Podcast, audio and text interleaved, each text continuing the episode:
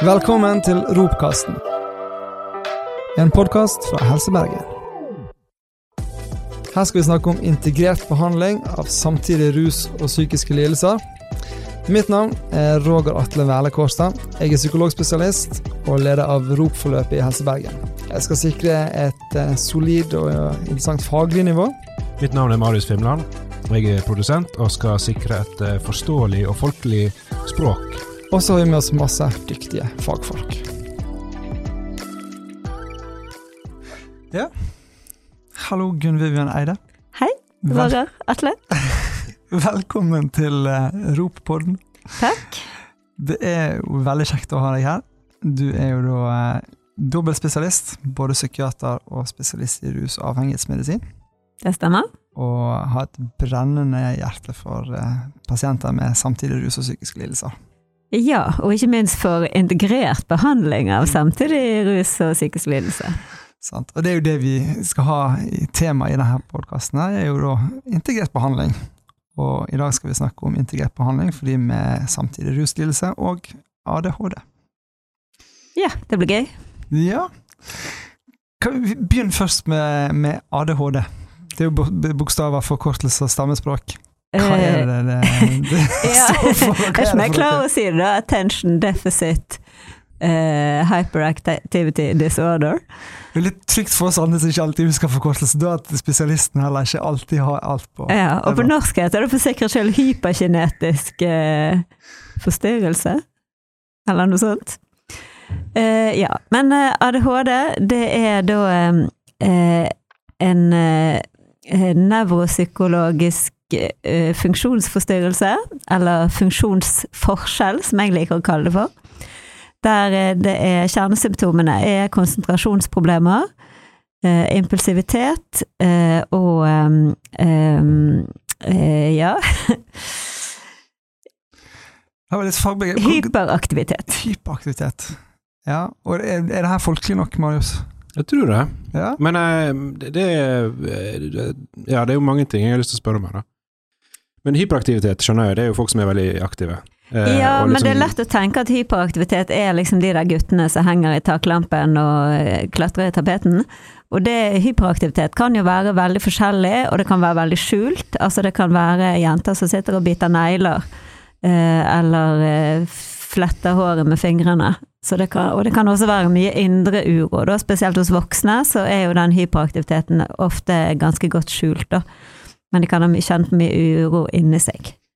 Ja, som gjør til at det er vanskelig for å holde orden, holde orden på livet sitt og den slags. der? er? Eh, ja, altså det er jo en sum av både hyperaktiviteten og impulsiviteten, at man lett glemmer seg. Du har jo også dette med, med dårlig tidssans, som jo er et ADHD-symptom som kan skyldes flere av disse elementene, og også det med at han kanskje lett glemmer ting, ikke finner ting. Så eh, det fletter seg veldig sånn inn i hverandre, da. Men ja, det å, problemet med å holde orden på livet sitt er et veldig godt bilde, og også det med problemer med kanskje planlegge og gjennomføre litt sånn komplekse ting. Eh, Det heter på fint språk eksekutivfunksjoner.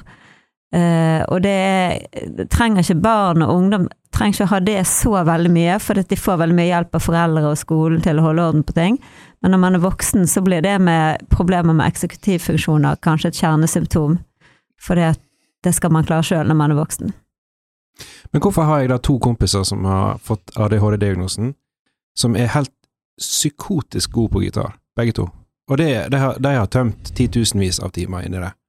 Hvordan kan det henge sammen hvis du har konsentrasjonsvansker? Eh, Det er også et eh, symptom eh, på ADHD, at man har det som kalles for hyperfokus. Eh, Og det er hvis man er veldig interessert i en ting, så, eh, så har man veldig god evne til å fokusere på akkurat det. Men eh, hvis man skal lære ting på skolen som man er sånn middels er interessert i, eller ikke har så veldig lyst til å lære seg, så eh, flyter konsentrasjonen veldig fort vekk, da. Eh, Og det er jo sånn at folk med ADHD er jo like forskjellige som andre folk, og de fleste har jo eh, ting som de er veldig gode på, sånn at eh, det finnes f.eks. leger med ADHD som blir liksom stilt spørsmålstegn ved om de egentlig har diagnosen hvis du klarer medisinstudiet. Men det går fint an å ta høyere utdanning også. Så det er mange, veldig mange forskjellige mennesker innenfor den gruppen med ADHD. Jeg tror mange kan kjenne seg igjen på en måte at de kan ha, altså fra tid til annen kan kjenne litt mer, mer eller mindre på de ulike utfordringene der. Eh, men, men hvor går grensene på en måte i forhold til hva som er normalt å ha, og hvor er det liksom man bikker over i å oppfylle bokstavforkortelser, holdt jeg på å si? Ja, eh, jeg tenker jo at vi har alle litt ADHD, og at ADHD-egenskaper er veldig nyttige. Uh, og det er også en teori om at uh, den gangen vi var jegere og samlere, så var det å ha ADHD en veldig fordel. Uh, da var man liksom flink til å flytte fokus hele tiden rundt seg, følge med på farer som lurer, og nysgjerrighet som gjorde at man smakte på planter, og ja, at man var veldig gode jegere og samlere, da. Og modige, rask til å løpe etter bytte, sant. Ja. Eh, og så når man ble bønder, så trengte man mer tålmodighet. Eh, og da ble det etter hvert, med de som hadde ADHD, mer en ulempe, da. Um, men grensen mellom de som måtte få diagnosen og ikke få diagnosen, er jo selvfølgelig flytende, som det veldig ofte er innenfor medisin generelt. Og um, det handler jo om at man skal ha så og så mange kriterier av de ulike. Det er liksom fastsatt i diagnosesystemet, da. At man skal ha seks av ni eller fem av ni kriterier. Og og i tillegg så er det et krav om at det skal være funksjonsfall eller funksjonsproblemer på minst to områder knyttet til disse ADHD-symptomene.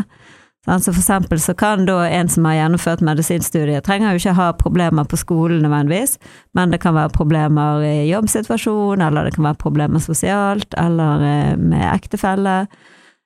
Så det er liksom, man ser på flere områder av livet og hvor disse symptomene da spiller seg ut.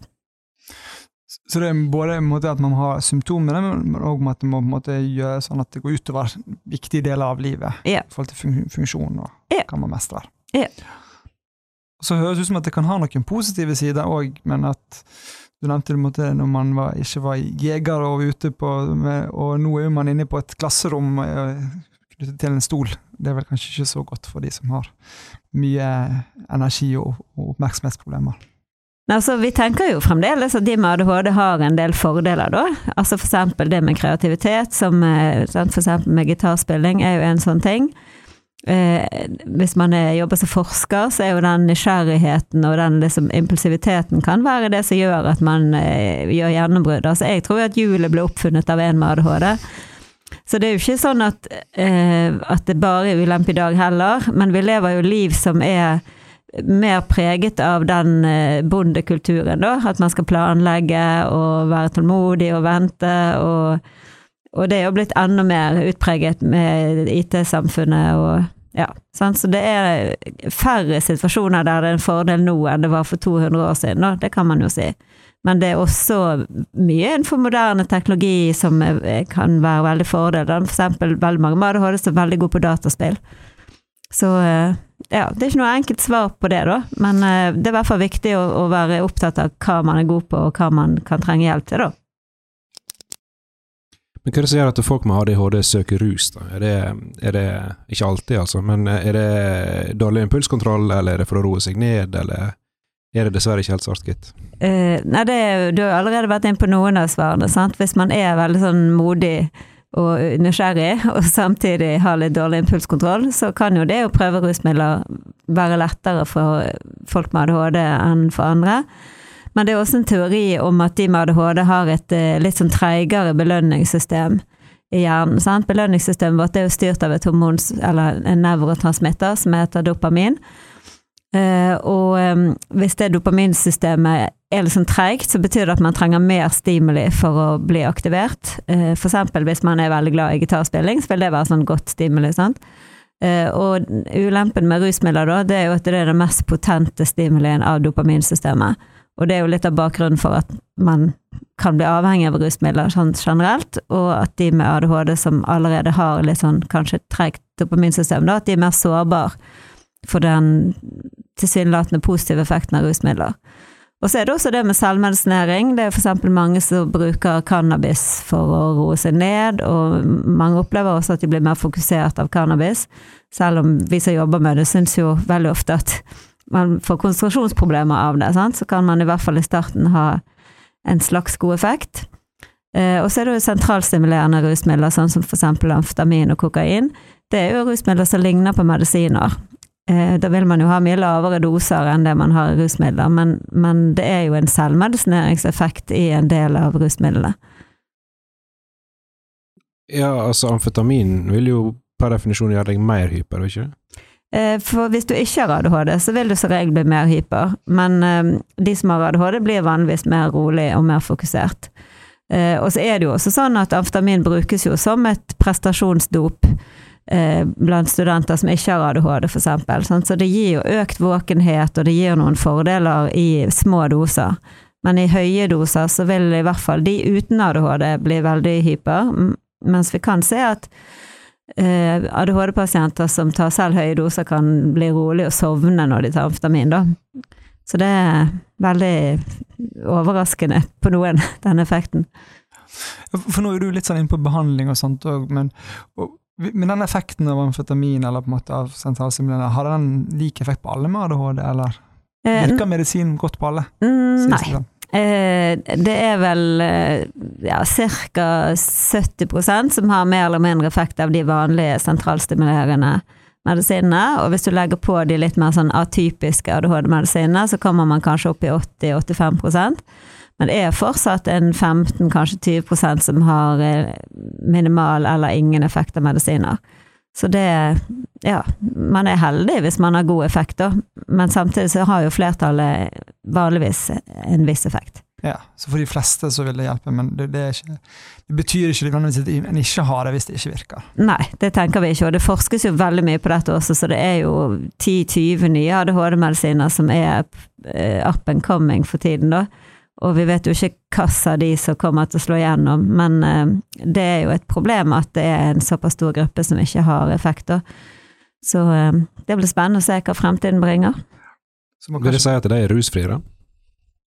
Altså, Det har ikke effekt av noen ting? Eller er det kun de medisinene vi snakker om nå? Nei, jeg tror nok at noen av de som eh, ikke har effekt av medisiner, vil oppleve at de har en viss effekt av eh, noen typer rusmidler, da. Og det er jo noen av de nye medisinene som man forsker på, har jo utspring i andre rusmidler enn amfetamin, for eksempel. Så eh, det er mye her vi ikke vet ennå. kan du si litt om eh, utredning og, eh, for ADHD, og spesielt når det gjelder samtidig eh, rusmisbruk eller bruk? Ja. Eh, altså det er jo I all utredning av psykisk helse så er det en gullstandard at man skal være rusfri under utredningen. Eh, og det er jo kanskje særlig viktig når det gjelder ADHD, fordi at eh, rus kan både eh, tildekke ADHD-symptomer, og det kan eh, etterligne ADHD-symptomer. Så man får jo ikke noen fullgod utredning hvis man ruser seg aktivt under utredningen. Samtidig så er det veldig mye man kan gjøre selv om pasienten er i aktiv rus, så jeg tenker det er viktig å begynne utredningen der man er. Og når det gjelder ADHD-utredning, så er jo det med å innhente det vi kaller for komparentopplysninger, altså informasjon fra andre om hvordan eh, du som, pass, hvordan du som menneske er, da. Det er kjempeviktig, og det er også særlig opplysninger fra barndommen er ganske viktig, siden når det gjelder ADHD, så er det et krav om at symptomene har oppstått før man er tolv år. Eh, Så man kan gjøre store deler av utredningen selv om pasienten ruser seg, og så vil man jo da, hvis pasienten ikke klarer å bli rusfri i løpet av en poliklinisk utredning, så vil man jo gjerne tilby en innleggelse i døgninstitusjon for å sikre rusfrihet før man setter endelig diagnose. Og så er det jo en annen ting som er veldig viktig, tenker jeg, når man utreder ADHD, og det er jo at man utreder bredt. At man ikke kun fokuserer på ADHD, men man har- en brei utredning av eh, andre psykiske lidelser samtidig. Og det skal også være en avklaring av fysisk helse, for det finnes også fysiske sykdommer som kan forvirre eller etterligne, og det finnes også en god del fysiske sykdommer som er vanlige samtidig. Eh, Og det med samtidighet er jo også vanlig når det gjelder psykiatri, da, sånn at de fleste med ADHD har jo minst én, gjennomsnittlig tre andre eh, diagnoser innenfor det psykiatriske spekteret. Som for eksempel? Eh, aller vanligste er ADHD og depresjon. Eh, Det er også ganske vanlig med ADHD og angst, ADHD og traumer, altså PTSD, eh, ADHD og personlighetsforstyrrelse. Eh, og så er det overraskende mange som har litt mer sånn sjeldne diagnoser, da, altså bipolar og ADHD samtidig. Det trodde man jo før at det var enten-eller, men forskning har vist at det også kan man ha samtidig. Og også psykoselidelser er det en viss økt risiko for, da, hvis man har ADHD. Så det, det er liksom hele spekteret, da. Jeg føler litt på hvorfor, hvorfor sitter vi egentlig og snakker om ADHD og rus? Altså, hva er det Jeg kan jo forstå med angst at folk begynner å ruse seg, eller de type diagnoser, men hva, hva er omfanget her, egentlig? Eh, altså hvis man eh, Det er forskjellige studier på dette, da, men sånn grovt sett så er det ca. en tredjedel av de med ADHD, voksne med ADHD, som fyller kriteriene for en rusdiagnose. Så det er ganske stor gruppe, og hvis man spør etter rusproblemer, da, så er det sannsynligvis to tredjedeler. Så um, og det handler jo litt om det som vi sa i sted, sant? med selve ADHD-symptomene, men det handler jo f.eks. om dette med, med samtidige andre diagnoser. Sant? At hvis man har en historie med å ikke få til og ikke klare det man egentlig burde klare ut fra sitt eget ressursnivå, så er jo det å bli deprimert ganske vanlig. Og eh, depresjon eh, er jo kjipt å leve med for de fleste, og har man det på toppen av en ADHD, så øker jo det sjansen for at man prøver å ruse vekk de vanskelige følelsene, da. Det høres jo her ut som at hvis man skal utrede noen for, med mistanke med ADHD, så bør man gå ganske bredt til verks, da. Ja, det tenker jeg er kjempeviktig. Både i forhold til psykiske lidelser, men òg i forhold til rus. Ja, det er en eh, del av det som jeg mener skal være standardpakke. Kartlegge rus, og kartlegge bredt på psykiske diagnoser.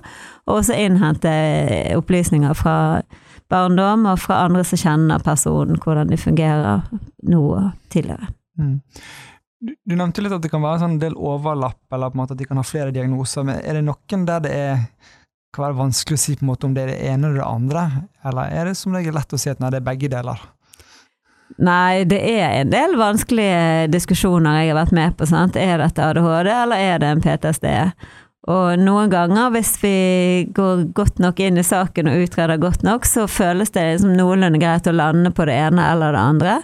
Men det ender jo veldig ofte med at de får begge diagnosene i en sånn tilfelle, da. For det at Um, altså selv om man kan få f.eks. konsentrasjonsproblemer av å ha opplevd traume som barn, så er det jo ikke så vanlig at man blir impulsiv av det.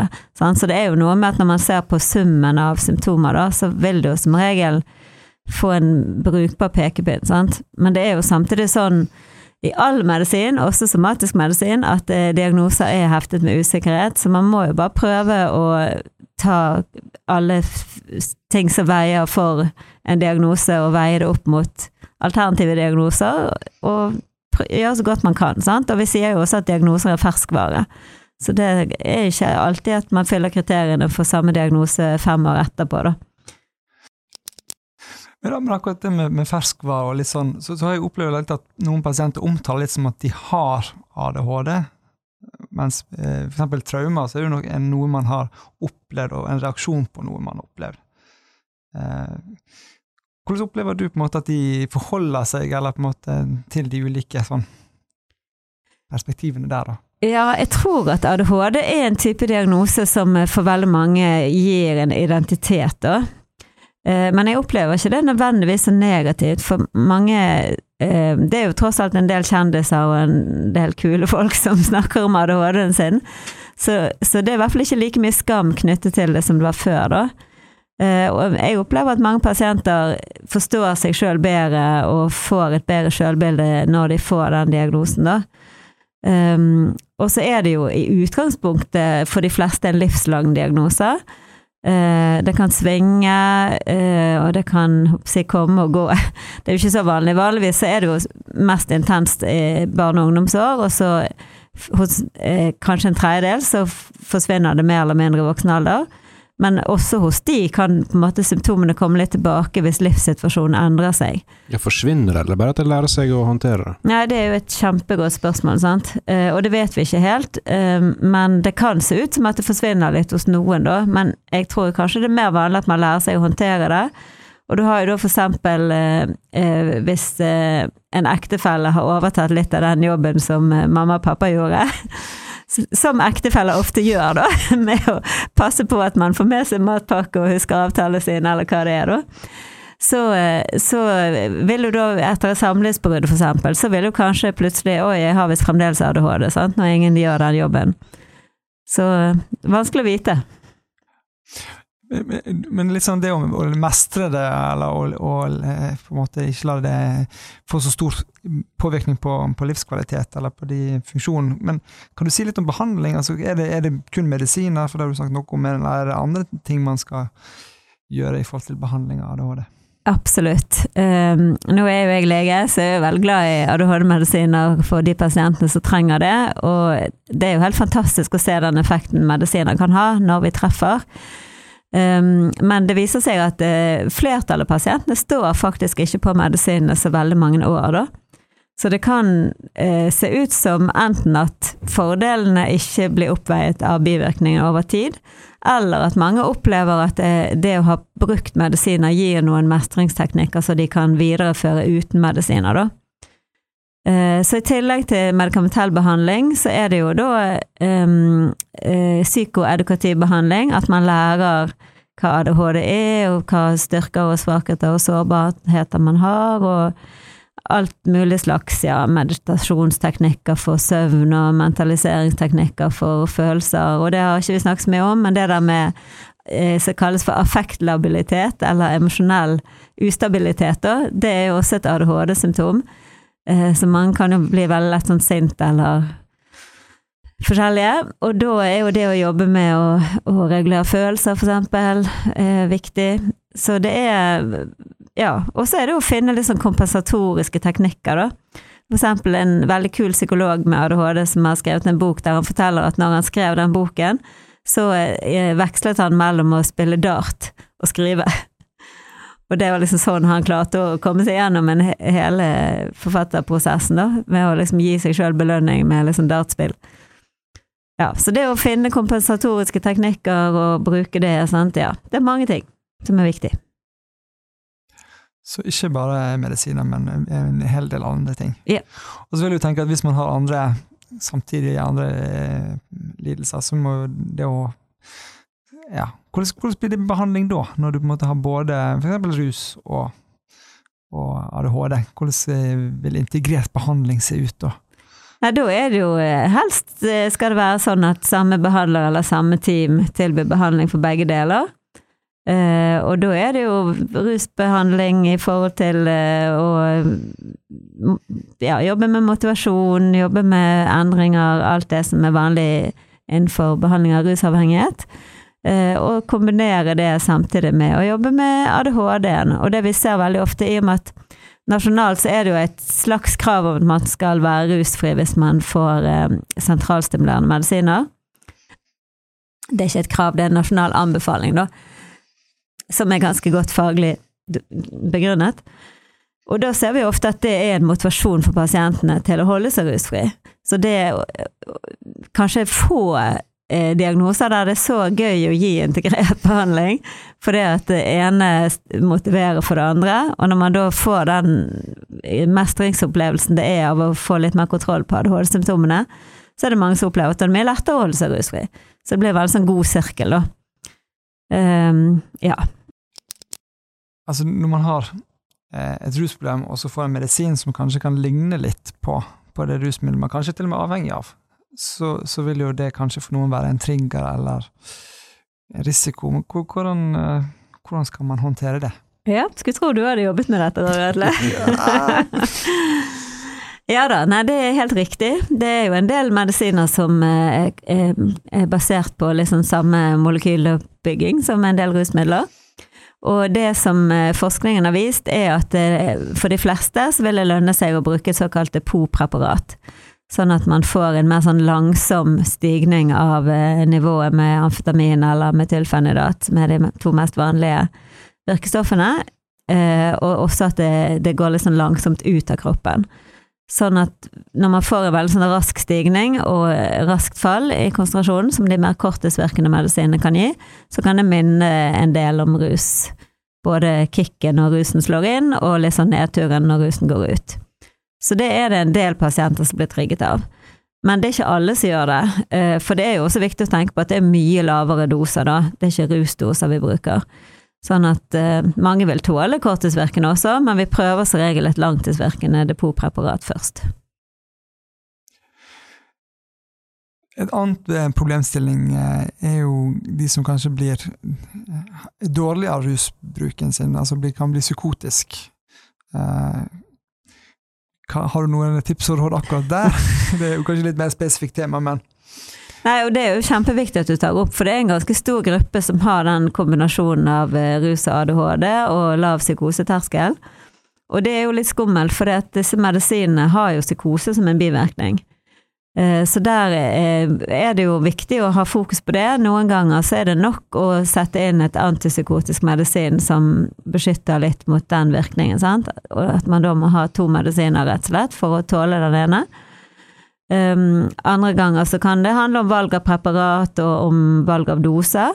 Og så kan det se ut som at det er noen pasienter som blir så lett psykotiske at de rett og slett ikke tåler de vanlige sentralstimulerende ADHD-medisinene. Og da finnes det jo andre alternativer, f.eks. Stratera eh, eller Velbutrin, som er egentlig et antidepressiva, da. Eh, så eh, der må man bare prøve seg litt frem og, og finne ut om man kan få til en medikamentell behandling uten å utløse psykose.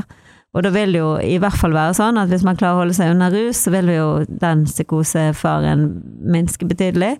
Så for de pasientene så vil det ofte være veldig strenge betingelser knyttet til medisineringen, da. Og det vil jo høres ut som at kanskje litt trygge rammer, med litt eh, tett oppfølging i en sånn uttesting da vil være å anbefale. Ja, og det vil jo ofte være typisk pasienter som er innlagt eh, når man tester ut medisineringen. Og det vil gjerne også være pasienter som kanskje etterpå vil ha daglig utdeling av eh, f.eks. i LAR eller av en hjemmesykepleier, hvis man, eller i bolig. Ja, forskjellige løsninger. Så det er hårfin balansegang i en god del av de sakene, men samtidig så er det jo en del av de pasientene som klarer å holde seg rusfri nettopp fordi de får ADHD-medisin. da. Så det kan være veldig viktig for de å få den riktige behandlingen. Det, det, er kjempeviktig, og det er vel verdt å prøve det ut. Eh, men det er viktig å være ærlig om at det kan være vanskelig, og at det eh, blir en avveining av fordeler og ulemper. Nå, nå har vi kommet oss litt sånn dypt inn i fagdiskusjonen, føler jeg. Men eh, har du, Marius, noen ting du brenner inne med i forhold til det temaet? Nei, egentlig ikke. Men jeg, jeg var jo litt nysgjerrig på den biten med altså, hvordan som behandler fortoner det seg med pasienter som har konsentrasjonsvansker, dårlig impulskontroll osv. Er, det, er det et større problem å få dem ut av rus som følge av det, eller? Eh, ja, altså studier sier at det kanskje kan være vanskeligere, men samtidig så er det jo min erfaring som behandler at dette er en gruppe det er veldig gøy å jobbe med, for det er ikke alltid så vanskelig. Um, men det er jo noen utfordringer knyttet til det, sant. Og det er jo f.eks. sånn at hvis man har rus seg lenge, så har man eh, det som kalles for nedregulerte dopaminreseptorer. Så mange vil kanskje kjenne at medisiner virker ikke så godt, fordi at de, dopaminsystemet er egentlig blitt enda treigere, da, fordi at det har blitt så mye fyrt opp med rusmidler. Eh, så det kan være et problem. Eh, og det kan også være et problem for mange av disse pasientene har jo litt sånn Vi snakket om det i sted, sant. Kan lett bli sint. Eh, litt sånn antiautoritær holdning, som jo egentlig er en bra ting, men som ikke er like gøy hvis legen sitter der og sier nei, nå har ikke jeg fått urinprøve, så nå får ikke du medisin. Um, så det er en del utfordringer som man må være bevisste på, da.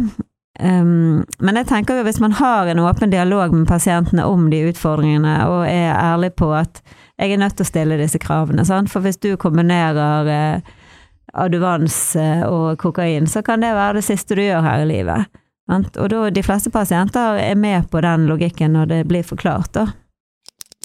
Det, det er jo veldig tydelig at det her er stor samtidighet med ADHD, med, med, psykiske lidelser, med rus, og at det å både når man skal utrede, at man må gå bredt til verks, og, og når man må behandle, at man må eh, se samtidigheten og forholde seg til det og gi god integrert behandling. Veldig god oppsummering. og jeg vet ikke, Vi kunne sikkert ha snakket her eh, i lange stunder, så, men, eh, og det er alltid kjekt å snakke med deg. Så tusen hjertelig takk for at du kom til eh, podkasten vår, og håper at eh, du har fått eh, formidla det du ville, og at den kunnskapen blir godt tatt imot. Veldig hyggelig å få lov å snakke om dette veldig spennende temaet.